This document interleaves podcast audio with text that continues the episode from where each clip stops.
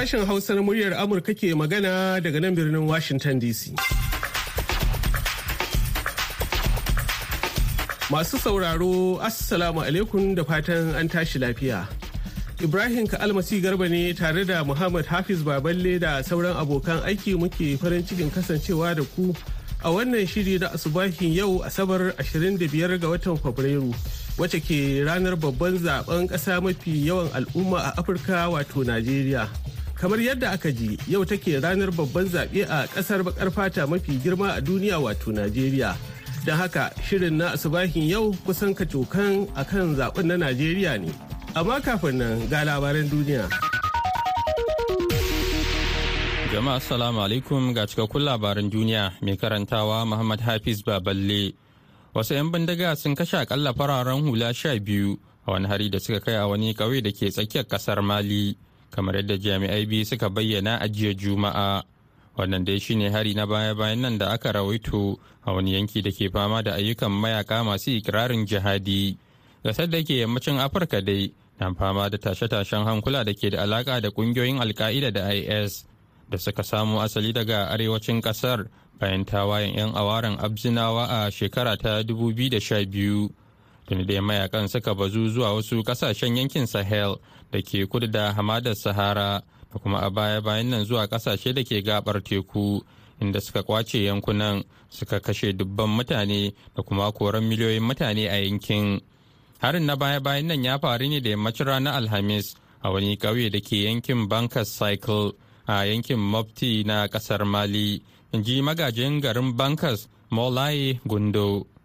Manyan jami'ai daga ƙasashen amurka da taiwan sun kammala tattaunawa kan batutuwa daban-daban na tsaro da diflomasiya da suka hada da halin da ake ciki a mashigin tekun taiwan da rashin jituwa tsakanin amurka da china a lokacin da rasha ta mamaye ukraine da manyan ziyarar aiki tsakanin washington da taipei da kuma tuntubar taiwan ga ƙasashen turai da ke fuskantar barazana daga rasha. Kamar yadda wata majiya ta diflomasiya ta shaidawa BOA a ranar Laraba da ta wuce. Manyan tarukan da aka yi a ranar Talata da ta wuce sun biyo bayan wata tattaunawa kan manufofi daban tsakanin Amurka da Taiwan da aka gudanar a cibiyar Amurka da ke headquarter Taiwan da ke Amurka a ranar 6 ga watan Janairun 2023. Cibiyar Amurka a Taiwan wato AIT ita ce ke da alhakin aiwatar da manufofin Amurka game da Taiwan a ƙarƙashin dokar dangantakar taiwan ta 1979 tun lokacin da amurka ba ta da wata alaƙa a hukumance da taiwan. Washington ta sauya matsayinta na diflomasiya daga taifi zuwa beijing don fuskantar tarayyar soviet a lokacin a 1979 labaran yana zuwa muku ne daga nan sashen hausa na murya amurka a birnin washington dc amurka ta mayar da wasu 'yan uwa biyu zuwa kasarsu ta haihuwa pakistan bayan tsare su kusan shekaru ashirin ba tare da tuhumarsu ba a gidan yarin guantanamo bay mai cike da cece kuci abdulrabbani mai shekaru hamsin da biyar da kuma muhammad rabbani mai shekaru hamsin da uku da haihuwa hukumomin pakistan sun kama su ne a garinsu na karachi a shekara ta dubu biyu da biyu kafin daga bisani a mika su ga hannun amurka bisa zargin su da gudanar da ayyukan cibiyoyin ƙungiyar alka'ida ma'aikatar tsaron amurka a ranar alhamis ta sanar da mayar da 'yan uwan waɗanda ba a taɓa tuhumar su da laifi ba zuwa pakistan. Tana mai cewa tsare su yanzu bai zama wajibi ba don ci gaba da kare wata babbar barazana ga tsaron amurka. Sanarwar ta ce sakataren tsaro lloyd austin a watan da ya gabata ya sanar da majalisar dokokin ƙasar aniyarsa ta mayar da mutanen biyu zuwa pakistan. Yana mai cewa amurka ta kammala sharuɗan mika takardar tare da tuntuɓar pakistan. Wani babban kwamandan dakarun juyin jihali na Iran ya faɗa jiya Juma'a cewa Iran ta kera wani makami mai linzami mai cin dogon zango na kilomita 1,650 a wani mataki da ka iya haifar da damuwar ƙasashen yamma bayan da Rasha ta yi amfani da jiragen Iran marasa matuka a yaƙin Ukraine. A nasa ɓangaren, Amirali Hajizadi shugaban dakarun juyin jihali na sararin samaniya shi ma ya yi magana kan nanata barazanar da ɗaukar fansa kan kisan da amurka ta yi wa wani babban kwamandan iran yana mai cewa muna neman kashe tsohon shugaban amurka donald trump haji zadi ya shaida wa gidan talabijin na ƙasar cewa an ƙara makamanmu mai linzami mai cin kilomita 1,650 a cikin makamai masu linzami na jamhuriyar musulunci ta iran. Gidan talabijin ɗin ya watsa abin da ta ce shine faifan farko da ke nuna sabon makami mai linzamin na fabe. Wani jami'in gwamnatin ƙasar turkiya ya faɗa jiya juma'a cewa ƙasarsa ta fara aikin sake gina gidaje sakamakon mummunar girgizar ƙasar da aka yi a wannan watan yayin da adadin waɗanda suka mutu a turkiya da siriya ya zarce dubu hamsin. Fiye da gine-gine dubu ɗari da sittin da ke ɗauke da gidaje dubu ɗari biyar da ashirin ne suka ruguje ko kuma suka lalace sosai a girgizar ƙasar da ta faru a ranar shida ga watan fabrairun da ta wuce da ta yi sanadin mutuwar dubban mutane a turkiya da makwabciyarta siriya. A gaida Muhammad Hafiz Baballe da ya karanto mana labaran duniya daga sashen Hausa na muryar Amurka a nan birnin Washington DC.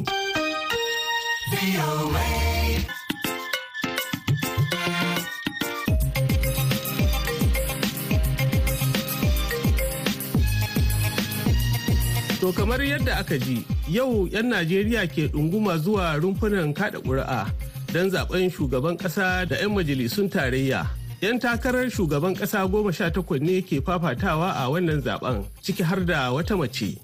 Abokiyar aikinmu da yanzu haka ke Najeriya don ɗauko rahotannin zaɓen Alheri Grace Abdu na ɗauke da ƙarin bayani. A bana 'yan takara goma sha takwas ne ke neman shugabancin Najeriya da suka hada da mace guda.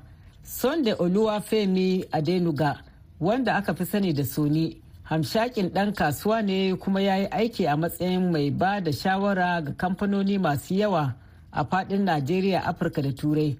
Adenuga ɗan shekaru 48 ya yi aiki da yawa don aikinsa ya ziyarci ko kuma yana aiki a wasu jihohi da dama na tarayyar turai yayin da yake kula da ayyukan babban bankin duniya da kuma bankin bunƙasa harkokin ci gaban afirka. Adenuga oluwafemi ya tsaya takara ƙarƙashin jam'iyyar boot party wato bp tare da mustapha turaki a matsayin mataimakinsa na shugaban kasa sai kuma adebayo adewole na jam'iyyar sdp adebayo adewole lauya ne dan siyasa kuma dan kasuwa daga jihar ondo ta yamma. Yana wakiltar jam'iyyar social democratic party wato sdp tare da abokin takararsa buhari yusuf. Sai kuma jam'iyyar ap wadda take da christopher emomolen wanda farfesa ne a fannin injiniya yana da shekaru 39 shine kuma ɗan takara mafi ƙarancin shekaru a wannan zaɓe. Yana da digirin digirgir a fannin binciken injiniya da sarrafa ilimi. Ya tsaya ne a jam'iyyar accord party wato ap tare da bello maru a matsayin mataimakinsa. Jam'iyyar zlp tana da ɗan takara daniel nwanyawu. Wanda ɗan kasuwa ne kuma lauya wanda ya yi shugabancin jam'iyyar labour daga shekara ta 2004 zuwa 2014 yanzu yana takarar shugaban ƙasa ne ƙarƙashin tutar jam'iyyar zenith labour party wato zlp tare da abubakar ramalan a matsayin ɗan takara mataimakinsa. Sai dumebu kaciku wani ɗan kasuwa wanda ya mallaki gidan talabijin na root shi kuma shi ne dan takarar jam'iyyar african democratic congress adc tare da buhari ahmed a matsayin mataimakinsa.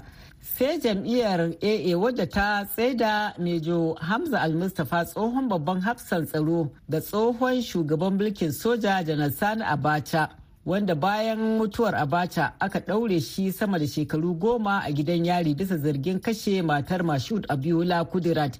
Al-Mustapha ya doke wani ɗan takara guda ɗaya domin ya zama mai riƙe tutar jam'iyyar ta Action Alliance yana takara ne da Johnson Chukwuka a matsayin mataimakinsa. Sai kuma jam'iyyar PRP wadda ta tsaye da Kola Abiola ɗa ga marigayi hamshakin attajirin nan na Najeriya kuma ɗan siyasa Mashud Abiola. Wanda ake kyautata zaton shine ya lashe zaɓen shekara ta 1993 da gwamnatin mulkin sojan ƙasar a wancan lokaci ta soke. Kola dan kasuwa ne kamar mahaifinsa. Yana takara ƙarƙashin jam'iyyar people's redemption party prp mataimakinsa a takarar shine zego haruna. Sai jam'iyyar ypp wadda ta tsaida malik ado ibrahim yarima daga jihar kogi ta tsakiya. Kuma mamallakin kamfanin makamashi na Bice Energy a matsayin ɗan takararta. A cikin shekarar 1999 yana da shekaru 38. Yarima Malik ya zama bakin fata na farko daga cikin waɗanda suka mallaki kamfanin Aros da ke sarrafa kashi 70 cikin 100 na hannun jarin Formula 1 shi ne ɗan Ohinoyi na Ibralan na uku. Ado Ibrahim ya yi karatu a Ingila da Amurka. Ya auri Adama Indimi, diyar hamshakin attajirin ɗan kasuwa Muhammad Indimi a shekara ta 2020. yana takara ƙarƙashin jam'iyyar Young Progressive Party YPP kuma mataimakinsa a takarar shine Enyima Kasaraci. A gaida alheri da wannan rahoton, to har yanzu dai kan irin shirin da aka yi na gudanar da zaɓen. Za mu juya ga Nasiru Adamu Elikaya don ƙarin bayani. Mataimakiyar daraktar wayar da kan masu zaɓe Chinwe Ogbuka ta ce tuni an fara aikin kuma ana da yakinin samun nasarar gudanar da zaɓen. I don't think that the The word postponement is in our dictionary. Babboka tana mai cewa ba sa ma amfani da kalmar ɗage zaɓe a cikin kamus ɗin ayyukan hukumar. So, this time around, the major sensitive material that we have is the beavers, the bimodal voter, voter accreditation system. It is one of the most sensitive material we have. jami'ar hukumar zaɓen ta kara da cewa babban abu mafi muhimmanci a wajen su cikin kayan zaɓen ita ce sabuwar na'urar tantance masu kada ƙuri'a mai taken vibas da hukumar ke bugun ƙirjin za ta taimaka ainihin wajen hana duk wani yunkurin a ringizon ƙuri'a. the issue of redesigning of naira the currency finance fund is most critical thing this time around. Without fund, we cannot do much. So it's part of the challenges the Nigerians are facing. We are also Nigerians. Ogbuka ta bayyana abubuwa biyun nan na rashin samun takardun kuɗi da ƙarancin man fetur a zama kan gaba cikin kalubalen da suke fuskanta wajen rarraba kayan aikin zaɓen. INEC ta shiga yarjejeniya da rundunonin tsaro don raka kayan zaɓen. Sannan ta sanya hannu kan yarjejeniya da ƙungiyar direbobin mota NURTW da rarraba kayan ta hanyar kwamiti na musamman. Babban mai ba da shawara na musamman ga shugaban nurtw comrade suleiman danzaki ya ce sun shirya tsaf don gudanar da aikin duk da bayyana kalubalen da najeriya ke ciki na rashin wadatar takardun kuɗi. mun daidaita komai komai ya daidaita har mun yi magana yanzu abin da shi shugaba Profesa mahmud ya ce zai zauna da su dukkan shugabannin na jihohi kuma su farfaɗi yawan motocin da suke so mu kowane local government ga kowane local government ga abin da suke so mu kuma za mu ba su. To abubuwan sauƙi ne gare su gare mutum da yake muna da yaɗuwa ƙwarai da gaske. Kowane local government za mu kira shi ciyaman din ya zo majalisar jiha. In ya zo majalisar jiha ta ƙungiyar to sai a ce mishi ana son mota guda gare ka. To zai neme su yadda za su zo local government din ko kuma su zo jiha. To matsalar da muka ba mu da an samu dai shine rashin kuɗi a hannu. Alhaji Suleiman ba a biya ba kenan ko kuma yaya abun yake? A'a, wato ka san saboda maganar rashin kuɗin nan da yake nan kaga in an ce transfer ne yawancin direbobin ba su da account kuma a ƙauyuka ne. To shine muke tunanin yadda za mu yi banki mafi kusa yadda za su je su karɓi kuɗin su ba su da waɗansu ba su da bank account waɗansu kasan motocin ma ba nasu ba ne sukan je duk wata duk kwana ɗaya sukan yi duk yamma sukan je su yi balas wajen mai gidansu. Alhaji Suleiman ya kwarewar direbobin da kuke zaɓa wajen wannan aikin? Mu muke da direbobi da ke da training. Za a jira don ganin yadda za a samu nasarar kai kayan zaɓen da yanayin ƙarancin kuɗi da aka fi ambata fiye da kalubalen tsaro da ya sa soke rumfunan zaɓe biyu da arba'in. Nasiru Adamali kayan murar Amurka daga Abuja, Najeriya. To a gaida Nasiru, yanzu kuma sai bayani kan 'yan takara. Daga cikin 'yan takarar shugaban ƙasa goma sha takwas. Za mu kawo muku tarihi ko bayanai kan wasu kamar yadda ya sauƙaƙa.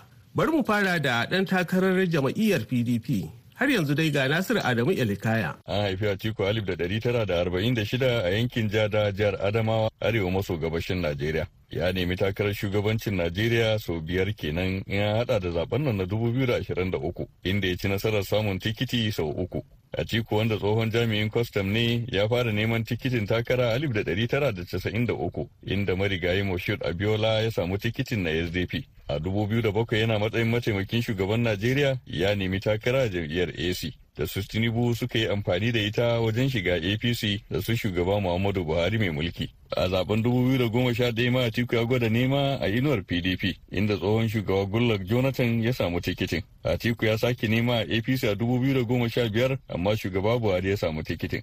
A 2019 Atiku ya takara PDP ya zo na biyu a yawan ƙuri'u in an gwada da shugaba Buhari na APC. Yanzu ga Atiku a PDP don zaɓen nan na 25 ga Fabrairu. Jigo a PDP a Tairo Dalatu Bafarawa ya ce ko kusa ba za a kwatanta gogewar Atiku da sauran 'yan takara ba yana mai buga misali da Bola Tinubu na APC. A Najeriya baya za a haɗa Tinubu da waziri. A Arewa baya za ka haɗa Tinubu da waziri. A kudu ba sai dai son zuciya. Duk dan najeriya da san ciwon kai ne ya kamata yi mana tunanin cewa ba wata hanya ta gaba wadda ya kamata ille a zaɓi a cikin abubakar kashin jam'iyyar pdp ubangiji ya taimaka mashi mu samu sauƙin halin da muke ciki. baya ga zargin bakin jini da pdp ta yi a baya har masu hamayya da atiku ke alakanta shi da almundana duk da ba cajin da aka taɓa yi masa a hukumance yan apc sun kalubalance shi da ya shiga amurka in ya isa kuma Atiku ya shiga Amurka. Da hakan ya kwantar da batun. Da zarar dawowarsa daga Amurka gabanin zaɓen 2019, Atiku ya amsa gayyatar wata muhawarar takarar shugaban kasa inda ɓangaren shugaba Buhari ba su halarta ba. Na dawo musamman daga Amerika domin za mu yi muhawara da shugaban kasa. Na jira an ce ba zai zo ba. Amma baya nan ba yadda zan yi galubalanci mulkin shi wai baya nan ba bai da amfani. Ga sauran ai sun wataƙila akwai sauran wanda zake da su ko da baya nan. Na to sauran su suke mulki ai dukan su ma bata lokaci su suke yanzu. Dan tawagar kamfen din PDP Abdul Ningi ya ce Atiku ne kadai ke da ta gomashin tinkarar APC a babban zaɓen. Atiku Abubakar ba wani dan siyasa da zai bugi ƙirji shi dan siyasa ne kamar sa. Yana da san jama'a kuma bayyana jama'a fasara saboda yare saboda addininka wurin da ka fito baya fasara ka saboda babbar rigarka. Yanzu dai sai a jira ga yadda zaɓen zai kaya da ake ganin shata dagarar tafi ƙarfi tsakanin PDP wato Atiku Abubakar, APC Bola Tinubu, NNPP Rabiu Musa Kwankwaso da jam'iyyar Labour ta Peter Obi. Nasiru da Mailika murar Amurka daga Abuja. To a gaida Nasiru, don jin bayani kan ɗan takarar jam'iyyar APC wato Alhaji Bola Ahmad Tinubu. Ga baban gidan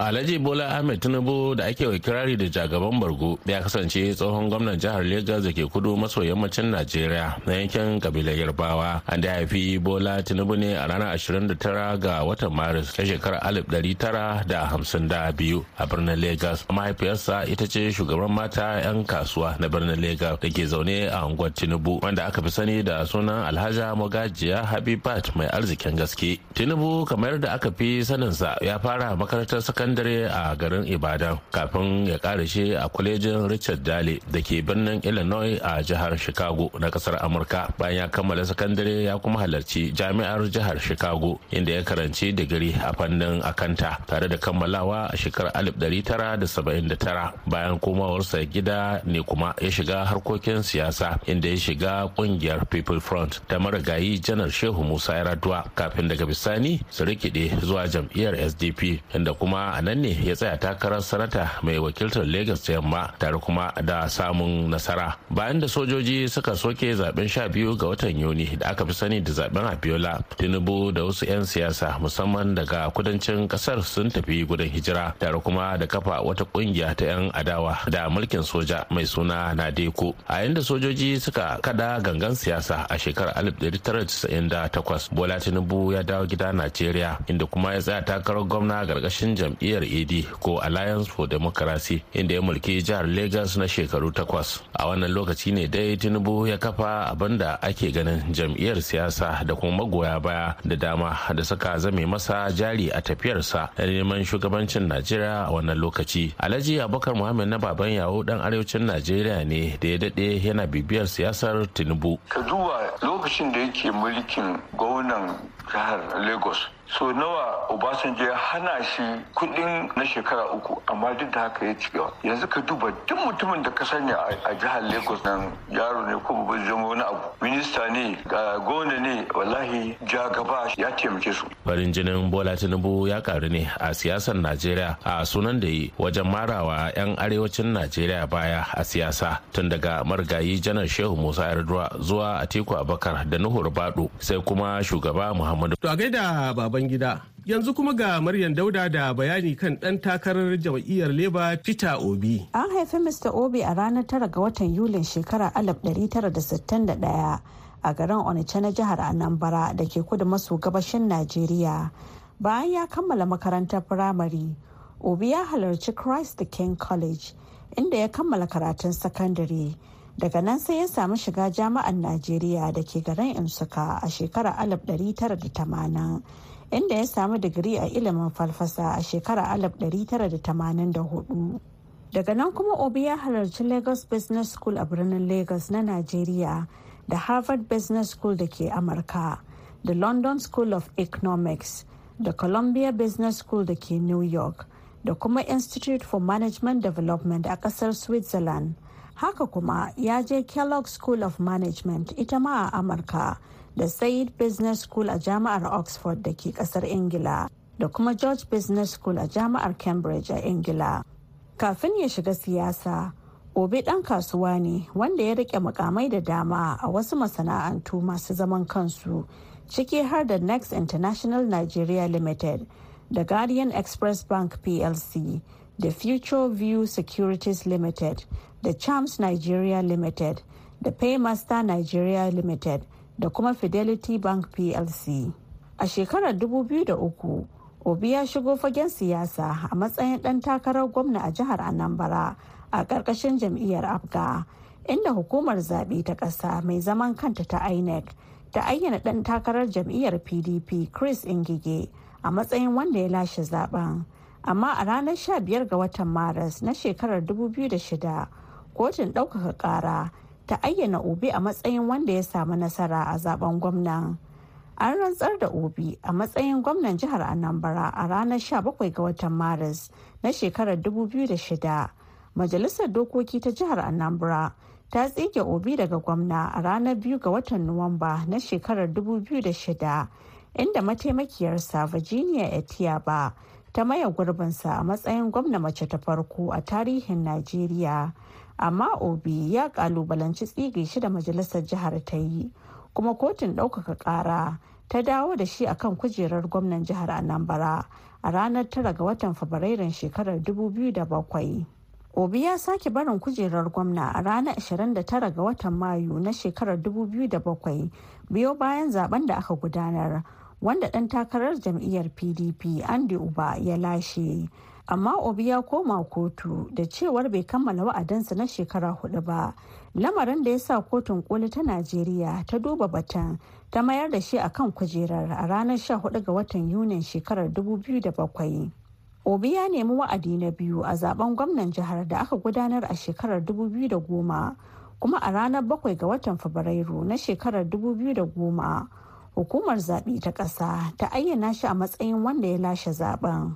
Bayan kammala wa'adan mr. Peter obi ya sauya sheka zuwa jam'iyyar pdp kuma a ranar 12 ga watan oktoban shekarar 2018 aka ayyana shi a matsayin mataimakin atiku abubakar dan takarar shugaban kasa na jam'iyyar a wancan lokacin inda suka zo na biyu a zaɓen shekarar 2019 a ranar 24 ga watan maris na shekarar 2022 obi ya ayyana aniyar tsayawa takarar shugaban kasa a ƙarƙashin inuwar jam'iyyar pdp a zaɓen shekarar 2023 amma ya canza sheka zuwa jam'iyyar labour inda aka ayyana shi a matsayin ɗan takarar shugaban ƙasa na jam'iyyar a zaɓen fidda gwani da aka gudanar a babban birnin jihar delta na asaba a ranar 30 ga watan mayun shekarar 2022 mr peter obi ɗan shekara 60 a duniya ya auri margaret brownson a shekarar 1992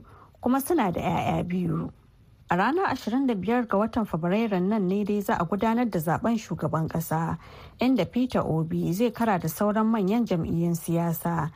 Maryam dauda sashen hausa na muryar amurka a birnin washington dc To a gaida Maryam yanzu kuma sai bayani kan ɗan takarar jam'iyyar NNPP Alhaji Rabu Musa Kwankwaso. Mahmud Ibrahim Kwari gare ka. An haifi Muhammad Rabi Musa da aka fi sani da Rabi Musa Kwankwaso shekaru 67 da suka shuɗe a garin Kwankwaso na ƙaramar hukumar Madobi a jihar Kano, Najeriya.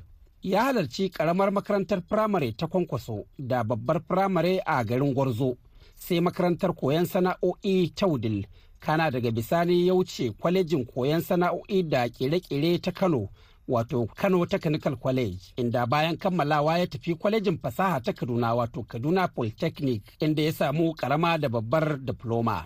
Sanata rabi musa kwankwaso ya kammala karatun digiri na biyu a kan fasahar injiniyan samar da ruwa a jami'ar laborog da ke ƙasar birtaniya a shekarar 1985 kana a bara ne kammala karatun digiri na uku wato digirin digirgir da ake cewa phd a jami'ar sharda ta ƙasar india ya yi aiki a kamfanin reka mallakar gwamnatin kano tsawon shekaru goma sha bakwai. Kana daga bisani ya shiga harkokin siyasa a shekarar 1991 har ma ya zama dan majalisar wakilai ta najeriya. Honorable habibu hassan el yakub tsohon dan majalisar dokokin jihar kano ne da suka fito larji guda da dr rabiu musa kwankwaso. Da yayansa muka yi a kura central primary school shi ya fara a kwankwasa ne daga nan ya tafi gwarzo boarding primary school kudu daga nan ya tafi wajen craft school.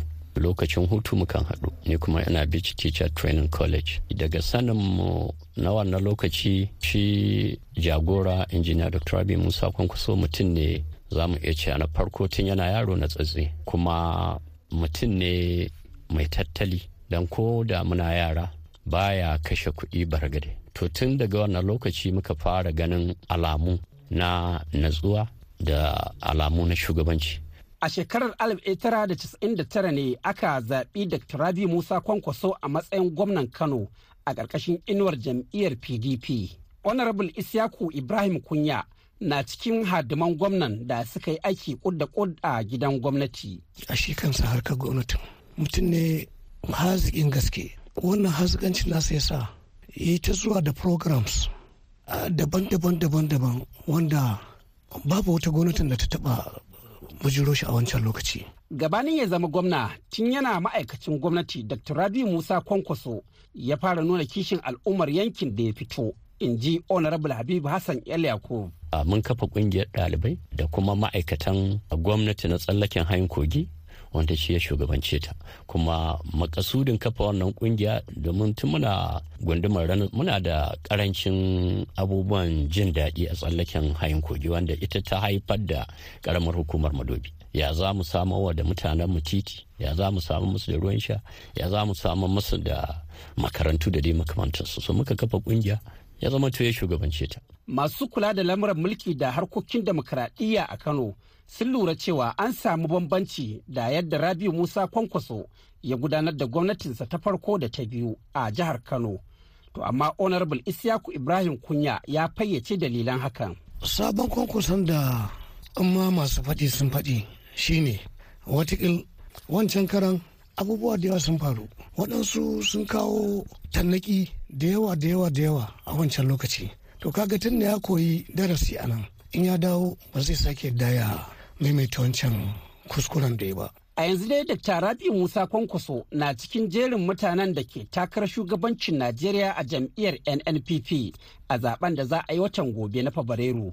Kuma honorable umar haruna doguwa shugaban reshen jihar kano na jam'iyyar ya yi ƙarin haske akan dalilan kwankwaso na yin wannan takara. Ya yi aikin gwamnati ya yi majalisar tare ya yi shugabanci a ciki ya yi executive position wato gwamna ya yi ambassadorial position ya yi ministerial position. So yana da experience da gogewar da idan an bashi in allah yadda za a samu nasara a najeriya. Dr rabi musa kwankwaso wanda yanzu haka ke da mata da 'ya'ya a baya-bayan nan ya ziyarci cibiyar chatham house da ke birnin london inda ya gabatar da lacca har ma ya ƙara nanata manufofi da tsare-tsaren da zai aiwatar muddin ya zama shugaban najeriya. Mahmud ibrahim kwari muryar amurka daga kano nigeria. To masu sauraro da haka muka kawo ƙarshen shirinmu na wannan lokacin. Amma idan allah ya kai mu an jima da hantsi ƙarfe 8 agogon najeriya nijar kamar da chadi. Wato bakwai kenan agogon ghana za mu kawo muku wasu rahotanni da shirye-shirye masu ƙayatarwa game da zaɓen na najeriya. Yanzu a madadin muhammad hafiz baballe da ya taya ni gabatar da shirin da mu salaman abu sai kuma injiniyan mu na yanzu. Ni ibrahim ka garba ke muku fatan alheri. Wassalam.